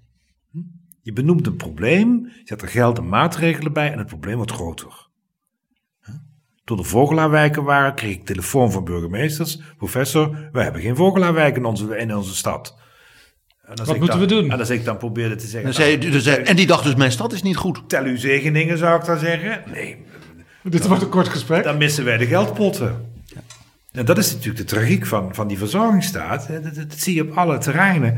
Je benoemt iets tot een probleem, vervolgens laat je het onderzoeken. Dan wordt het probleem al groter, want de hele industrie eromheen heeft er een baat bij om het probleem groter te schetsen. Want dan kun je het namelijk integraal aanpakken. En te gaan aanpakken, kun je beleidsplannen maken, enzovoort, enzovoort. Het is heel... En nogmaals, ik, ik wil het niet omschrijven als een samenzwering en allemaal kwade bedoelingen en dat iemand dat ooit bedacht heeft. Dat zou ook strijdig zijn aan mijn analyse. Nee, dit zijn allemaal dingen die ten opzichte van elkaar een aantal effecten te bewerkstelligen die heel moeilijk te veranderen zijn. Er was vroeger een partij die af en toe kanttekeningen maakte bij de opkomst van de verzorgingsstaat. Dat was de VVD. Laten we even luisteren naar een prominente VVD'er, Uri Rosenthal. Voorafgaand aan de presentatie van het VVD-verkiezingsprogramma bij de afgelopen Tweede Kamerverkiezingen. Hij praat over wat de overheid, wat de staat moet doen. Eh, drie punten, denk ik. Het eerste is dat wij dus nadrukkelijk zeggen dat wij een sterke staat nodig hebben, een sterke overheid, maar een overheid ook die moet leveren en uitvoeren wat ze zegt te zullen doen. Dat is één. Dus een beetje weg van, dat van de mantra van alleen, per se een kleine overheid. We zeggen niet dat hij groot moet wezen, maar hij moet wel krachtig wezen. Een tweede punt is dat we natuurlijk zijn van de vrije markt, maar wel een markt die gereguleerd is en die ook eh, bijgeschaafd wordt op alle rafelranden die er aan die aan dat kapitalisme zitten. En een derde punt is dat we nadrukkelijk ook... en natuurlijk kunt u dan zeggen van ja, dat staat al in uw hele oude... en laatst nog eh, nieuw gemaakte beginselverklaring... want daar staat in eh, sociale rechtvaardigheid... maar dankzij ook Klaas Dijkhoff is heel sterk dat toegespitst op wederkerigheid. Ik praat zelf ook graag over een faire samenleving... Dit is eigenlijk een illustratie bij wat u eerder al vertelde. Dat zelfs een partij die daar vroeger toch sceptisch over was, vaak. nu volledig voorstander is van een krachtige, sterke overheid. die zich op allerlei manieren met de samenleving moet bemoeien. zelfs met het reguleren van het kapitalisme. En hij moet aan de ene kant niet groot zijn, maar ook niet klein. Maar wel krachtig. Ja, dat is, ik ken Uri Roostaan natuurlijk goed als oprichter van een van deze, van, van deze school. En Klaas Dijkhoff is nog verbonden aan de school. Kortom, ze hebben het ergens geleerd. Nou, dat is niet hier geleerd. eh, eh. Kijk, waar hij zich volgens mij tegen afzet hier, is een, is een, is een, een beeld van de VVD dat ze zelf enigszins gecreëerd hebben, maar nog veel sterker door de buitenwereld is, is gecreëerd als een partij die niks van de overheid moest weten, die uh, grote onrechtvaardigheden predikte en uh, tegen elke soort regulering was. Ja, dat was ook altijd vroeger het idee, de VVD tegenover de Partij van de Arbeid en dan wil je beide stemmen. Maar A is dat een vrij eh, karikaturale opvatting over wat liberalisme eigenlijk is. Want liberalisme start natuurlijk bij het begrip vrijheid. Ja, dan is vervolgens de vraag, hoe realiseer je vrijheid? En dan is de vervolgvraag, hoe kan wat, is nou de rol van de staat als het gaat om de vrijheid van de burger en de maatschappelijke verbanden waarin die burger zich organiseert? Dat zal betekenen in, in de economie dat je daar een aantal principes probeert uh, in stand te houden van eerlijke concurrentie, van eerlijke toetreding, van niet blazeren van de consumenten via uh, kartels. Zoals het ruige en kapitalistische Amerika ook altijd hele sterke antitrustbeleid uh, heeft gehad. Wat ze nu vergeten zijn, want als ze het serieus zouden nemen, zou elke big tech onderneming natuurlijk gesplitst moeten worden op dit moment. Door. als Teddy Roosevelt nu president was. Zou tegenbeuren. Was Facebook, Google. Uh, Amazon waren in twintig stuks opgesplitst. Absoluut. Je pleit overigens, Door de president. Je pleit overigens in enkele afleveringen geleden in Betrouwbare Bronnen het oud-Kamerlid van D66 Kees Verhoeven voor, voor die splitsing. Ja. Zijn ex-medewerker die hem destijds op het spoor bracht van de digitalisering en alle problematiek die daar zit, werkt inmiddels voor Meta, de, de Amerikaanse techgigant. Ja, Van, van Mark Zuckerberg dus. Ja.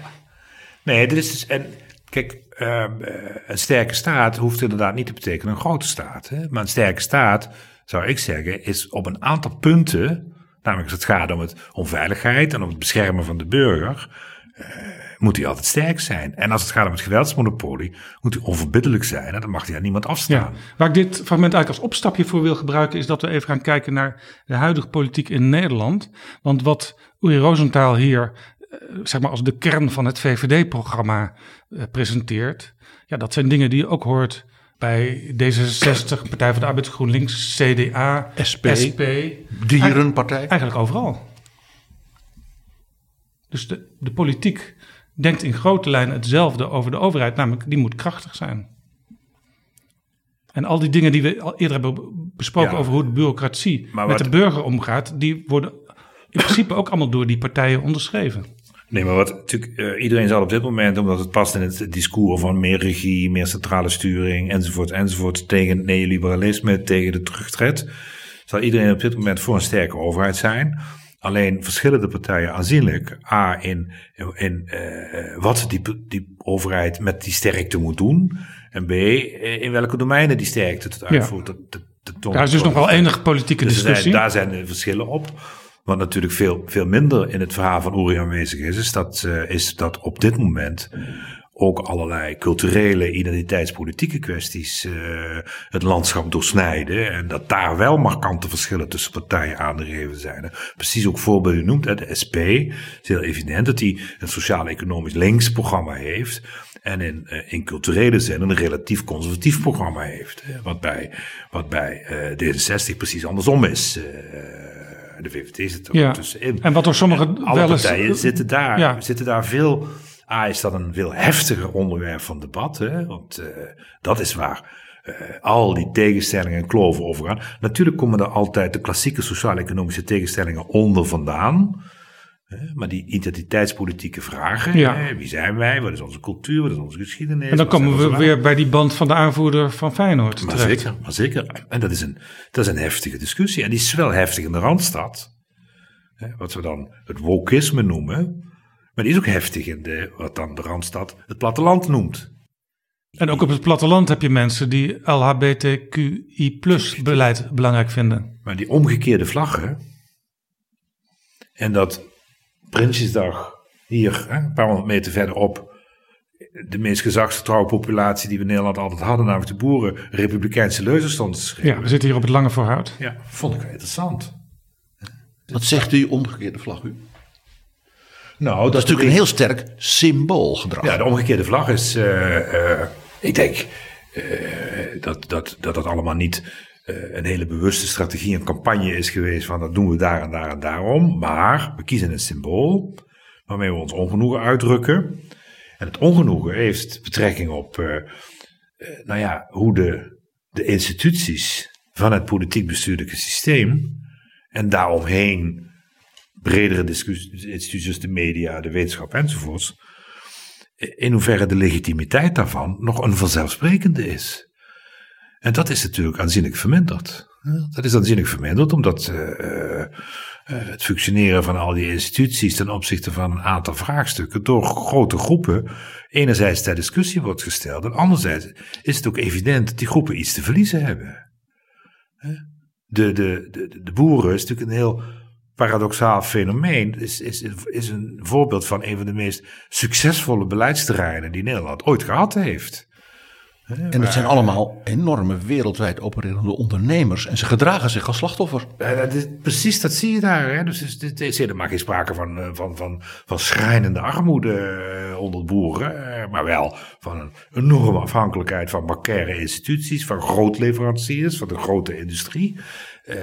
terwijl tegelijkertijd het evident is dat de landbouw onder de voorwaarden... waar we nu wat meer maatschappelijke consensus over krijgen ja, dat is natuurlijk in Nederland niet te doen. Dat ja. is Nederland te nee, als, er, als, er, als er bewijs is van iets dat maakbaar is gebleken, dan is het de landbouw in Nederland. Maar zeker. Met dank aan Europa. Ja, ja, dat is wat, was natuurlijk een voortreffelijke koppeling van Europese regelgeving, nationale politiek, subsidieinstrumenten, een wetenschappelijk instituut in Wageningen, eh, allerlei eh, bedrijfsorganisaties. Planning. Maar ook, eh, ja, ook wel met uh, allerlei uh, ja, totale marktverstoring natuurlijk. Niets meer met markt te maken. Door en door gesubsidieerd. En met zeer ernstige ecologische gevolgen. Ja, je zou misschien. Je zou misschien... En dus is de overheid, dat is het grote probleem natuurlijk, is de overheid. Uh, als, als een van de allerbelangrijkste actoren in dat succesvolle landbouwbeleid. zit in een zeer ingewikkelde positie om, om, om ja, te doen waarvan denk ik evident is dat gedaan zou moeten worden, namelijk toch een heroriëntatie van die landbouwpolitiek. Ja.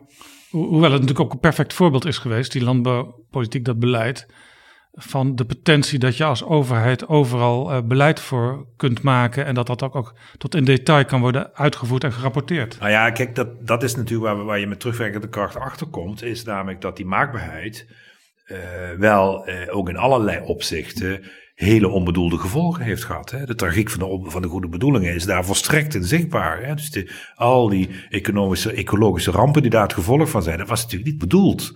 Uh, dat is wel allemaal, uh, allemaal gebeurd. En waar het in vastloopt, het systeem, is dat het door en door gereguleerd is, uh, waardoor het niet meer beheersbaar is. dus ambtenaren in Brussel, die dan tegen de Nederlandse minister zeggen: ja, wij gaan vrij precies met de datum en wat dan niet. Vertellen wie, wanneer, waar, hoeveel mest mag uitrijden. En ik denk dan altijd, die ambtenaren, ik heb zelf in Brussel gewerkt, dus ik ken dat soort mensen. Dat zijn voortreffelijke, zeer uh, gedegen mensen. Maar die hebben zelf nog nooit in hun leven mest uitgereden. Nee, dat denk ik ook niet. Maar dit is een voorbeeld van. Maar dit klinkt bijna als je moet er geweest zijn om over kunnen oordelen. Ja, maar dat, ja, maar dat, maar dat is dus wat, de boer, wat dus het boerenprotest voortdurend nee, wel roept. De enige die iets over de boeren kan zeggen, zijn de boeren zelf. Kijk, maar kijk, hier zie je een heel interessant effect van, van, van de relatie tussen Nederland en Brussel. Dat uh, zowel het strenge stikstofbeleid als het landbouwbeleid mede het gevolg zijn van effectief opereren van Nederlandse ambtenaren in Brussel. Ja. Ik zeg altijd wat plagerig, de voormalige milieuactivisten werden allemaal ambtenaar bij Vrom. En die gingen vervolgens in, in, in, in, in Brussel een, een fijnstofrichtlijn maken. Waardoor half Nederland afgebroken zou moeten worden als je die serieus neemt. Tegelijkertijd zaten de boeren aan andere tafels. En omdat Brussel een volstrekt technocratisch instituut was, helemaal niet gepolitiseerd, is dat lange tijd ook politiek helemaal niet expliciet gemaakt. Maar de, heel interessant dat gebeurt dus nu. Nee, want de nationale soevereiniteit moest overeind blijven. dus het mocht niet gepolitiseerd worden. Ja, nee, maar het was ook bewust een, bewuste strategie. Ja, dat was hè, de Ever Closer Union. Waarbij eh, ook in Brussel zelf hoge ambtenaren en commissarissen het ook buiten het politieke debat hielden. Dat, dat was een hele bewuste strategie. Ja, maar het landbouwbeleid is natuurlijk ook een schoolvoorbeeld van hoe, hoe wetenschap, Wageningen, het beleid stuurde u waarschuwt in uw boek voor de overheid als ja, grote technocratische machine, die de verschillen eigenlijk niet meer accepteert. Nou, heb je tegenover die technocratie in toenemende mate, ook in politiek, eh, de populisten die zich melden. En die weer een andere potentie hebben, namelijk wij vertegenwoordigen het volk, het echte volk. Dat is eigenlijk het beeld wat je nu ziet als je bijvoorbeeld naar de Tweede Kamer kijkt. Nee, dus waar de verzorgingsstaat uh, ook een slachtofferperspectief hanteert, hè, hebben, de, hebben, de, hebben de, de populisten, uh, van welke soort ze ook zijn, uh, altijd het perspectief van het echte volk. En enerzijds de elite die het volk verraadt, en de vreemde die niet erbij hoort dat kan de migrant zijn, dat kan de homoseksueel zijn, dat kan de, enzovoort. En de dat Jood. is een dubbele beweging. En waar de populisten, in tegenstelling tot de traditionele politiek, veel en veel beter in zijn, is dat symbolisch discours. Dus de populisten begrijpen als geen ander dat de politiek een symbolische orde is. Het is geen technische orde, het is geen beleidsmachine. Het is uiteindelijk de plek in de samenleving waar die samenleving via representatie vraagstukken tot politieke vraagstukken verklaart. En ja, wij zijn natuurlijk groot geworden in een, in een systeem waar de politiek en de staat op dat niveau relatief klein was. En veel van die symbolische domeinen zaten in de samenleving en in de zuilen. Eh, en tegelijkertijd werd dat vreedzaam gehouden door allerlei mechanismen, waaronder eh, de depolitisering als strategie. En die in toenemende mate een werd van technocratisering, van alles een technisch vraagstuk maken, de commissie het laten oplossen, wetenschappers inschakelen om mee te denken, planbureaus, eh, datamachines enzovoort. De polderorganisaties. Ja, ja, dat was natuurlijk, dat is jarenlang is dat, is dat zeer succesvol geweest. Maar ja, dat knarst en kiert natuurlijk aan alle kanten. Veel politici van, zeg maar, de tussen aanhalingstekens traditionele partijen die begrijpen de opkomst van het populisme niet. Dat kunnen ze eigenlijk niet goed verklaren. Als ik u hoor, kunt u het wel verklaren. Ah, het is er altijd geweest. Maar, het was nooit weg. dus, maar in kleine omvang. 19e eeuw. Uh, nou, het, is, het, heeft een hele variabele omvang gehad. Uh, en tussen de Tweede Wereldoorlog was het vrij omvangrijk. En uh, kijk, wij in Nederland hebben sinds de Tweede Wereldoorlog altijd gedacht: ja, dat is iets van het verre buitenland populisme. Wat in een beschaafde samenleving als de onze doet het niet. Dus de opkomst van Fortuyn was daarom ook zo'n enorme symbolische shock in de Nederlandse. In de ja, wij dachten dat Vlaams blok, dat is echt ja, voorbehouden aan België. Dat zijn die gekke Belgen. En uh, we vonden het al een beetje ingewikkelder toen het ook in Duitsland kwam. Hè. Duitsland, ja, dat is toch... Oostenrijk? En het, er zitten allerlei verklaringen. De sociologische verklaring voor het populisme is natuurlijk dat door de kapitalistische ontwikkeling van onze samenleving is er voor een substantieel deel van de bevolking geen werk meer. Dat is geoutsourced, dat is weggeautomatiseerd. Dus de interessante getallen laten ons zien dat in Nederland 20 tot 25 procent van de mannelijke beroepsbevolking een lagere positie heeft dan hun vader. Dat is nieuw historisch, omdat er waren altijd sociale stijging. Dat betekent dus dat voor een deel van het electoraat eh, niet alleen iets, die dreigen niet iets te verliezen, die hebben gewoon in reële termen iets te verloren. Tweede belangrijke verklaring voor het. En zien dat ook hun kinderen doen. Ja, die zien die kinderen dus ook minder.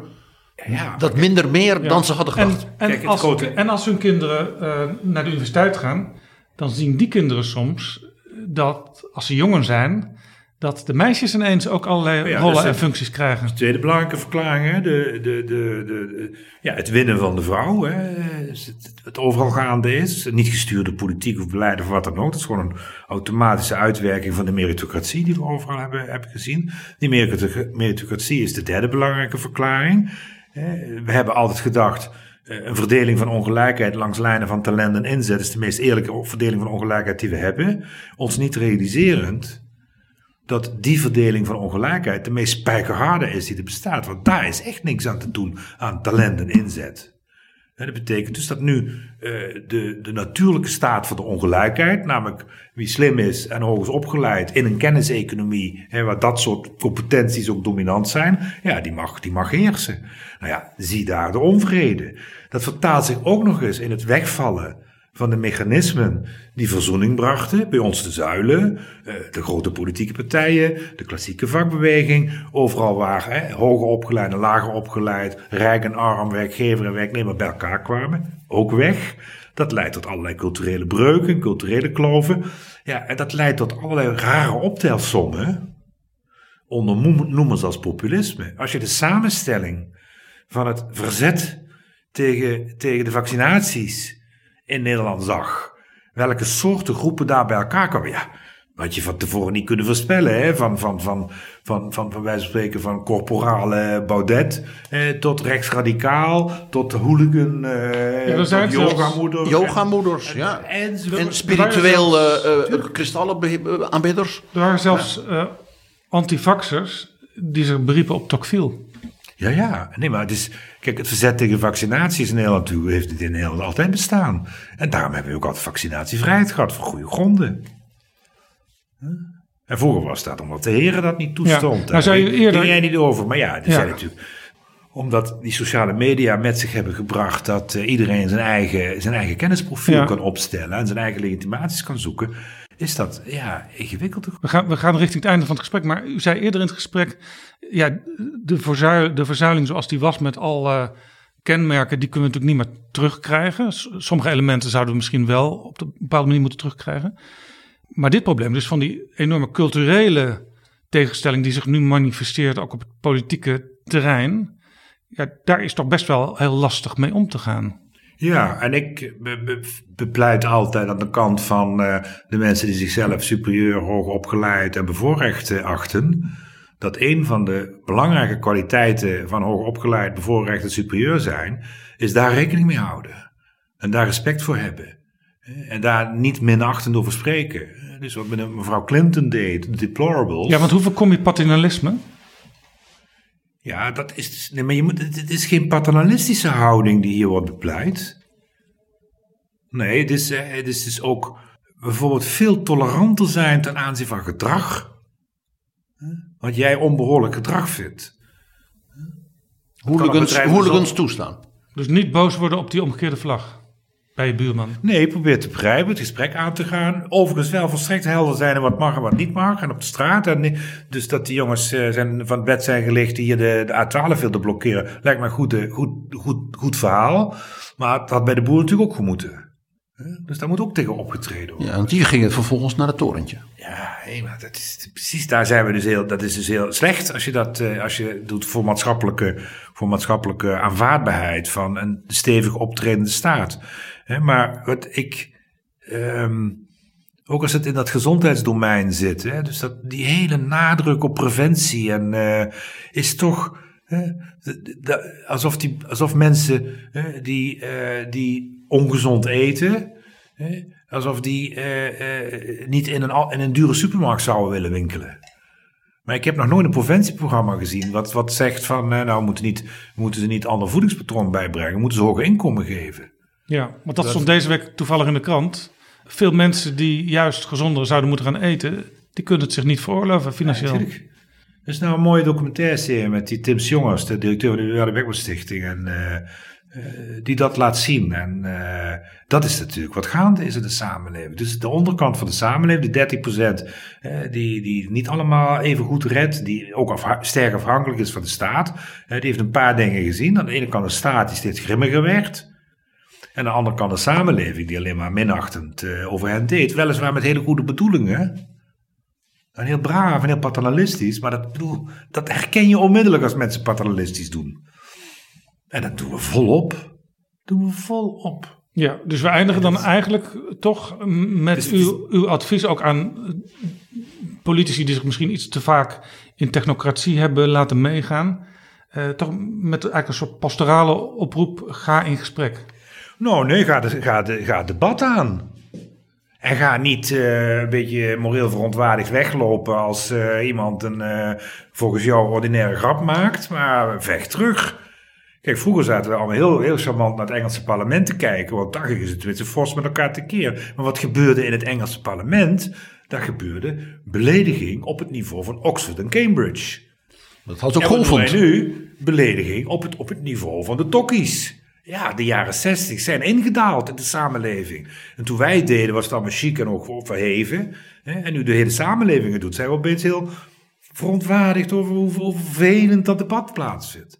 En dat zie je op allerlei plekken. In Nederland hebben we daar veel onderzoek naar gedaan. Hè, waar dus ook beide de morele kaart trekken. Dus de ene kant vindt de andere allemaal verschrikkelijke elitaire types enzovoort. En de andere kant vindt het niet chic genoeg het debat. Het debat, het debat moet gepolitiseerd worden. Het moet over politiek gaan. En dus niet over identiteit en niet over moraal. Nou ja, tenzij je identiteit politiseert. Dat je debat voert over wat, ja, wat we daaronder verstaan en hoe we daarmee omgaan. En welke soorten variëteit uh, wij willen en welke wij onervaarbaar vinden. Dus, ja. En dan moet je misschien dus ook veel duidelijker in zijn. Hele klassieke politiek lijkt mij. Ja, wanneer je gewoon heel helder zegt: dit vind ik wel en dit vind ik niet. Ja, dat kan. Dat, dat, ik vind het lastige is om. Uh, uh, niet alleen wil ik niet in ontwerpende zin over dat systeem praten, maar is het ook onmogelijk? Het zou, zou ook strijdig zijn met alles wat ik opschrijf. Uh, als ik nu zou zeggen, nou ja, ik heb wel een blauwdruk hoe het moet. Nog veel meer hierover staat in het prachtige boek De Integrale Staat, Kritiek van de Samenhang. Als je vriend van de show bent of het snel nog even wordt, dan kun je meedingen naar een exemplaar van dat boek, uitgegeven door Boom. Mag ik u hartelijk danken, Paul Frisse, voor dit gesprek. U ook.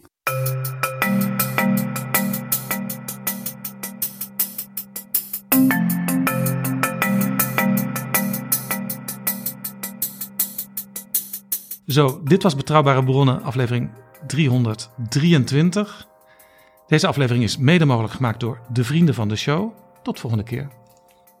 Betrouwbare Bronnen wordt gemaakt door Jaap Jansen in samenwerking met dag en nacht.nl.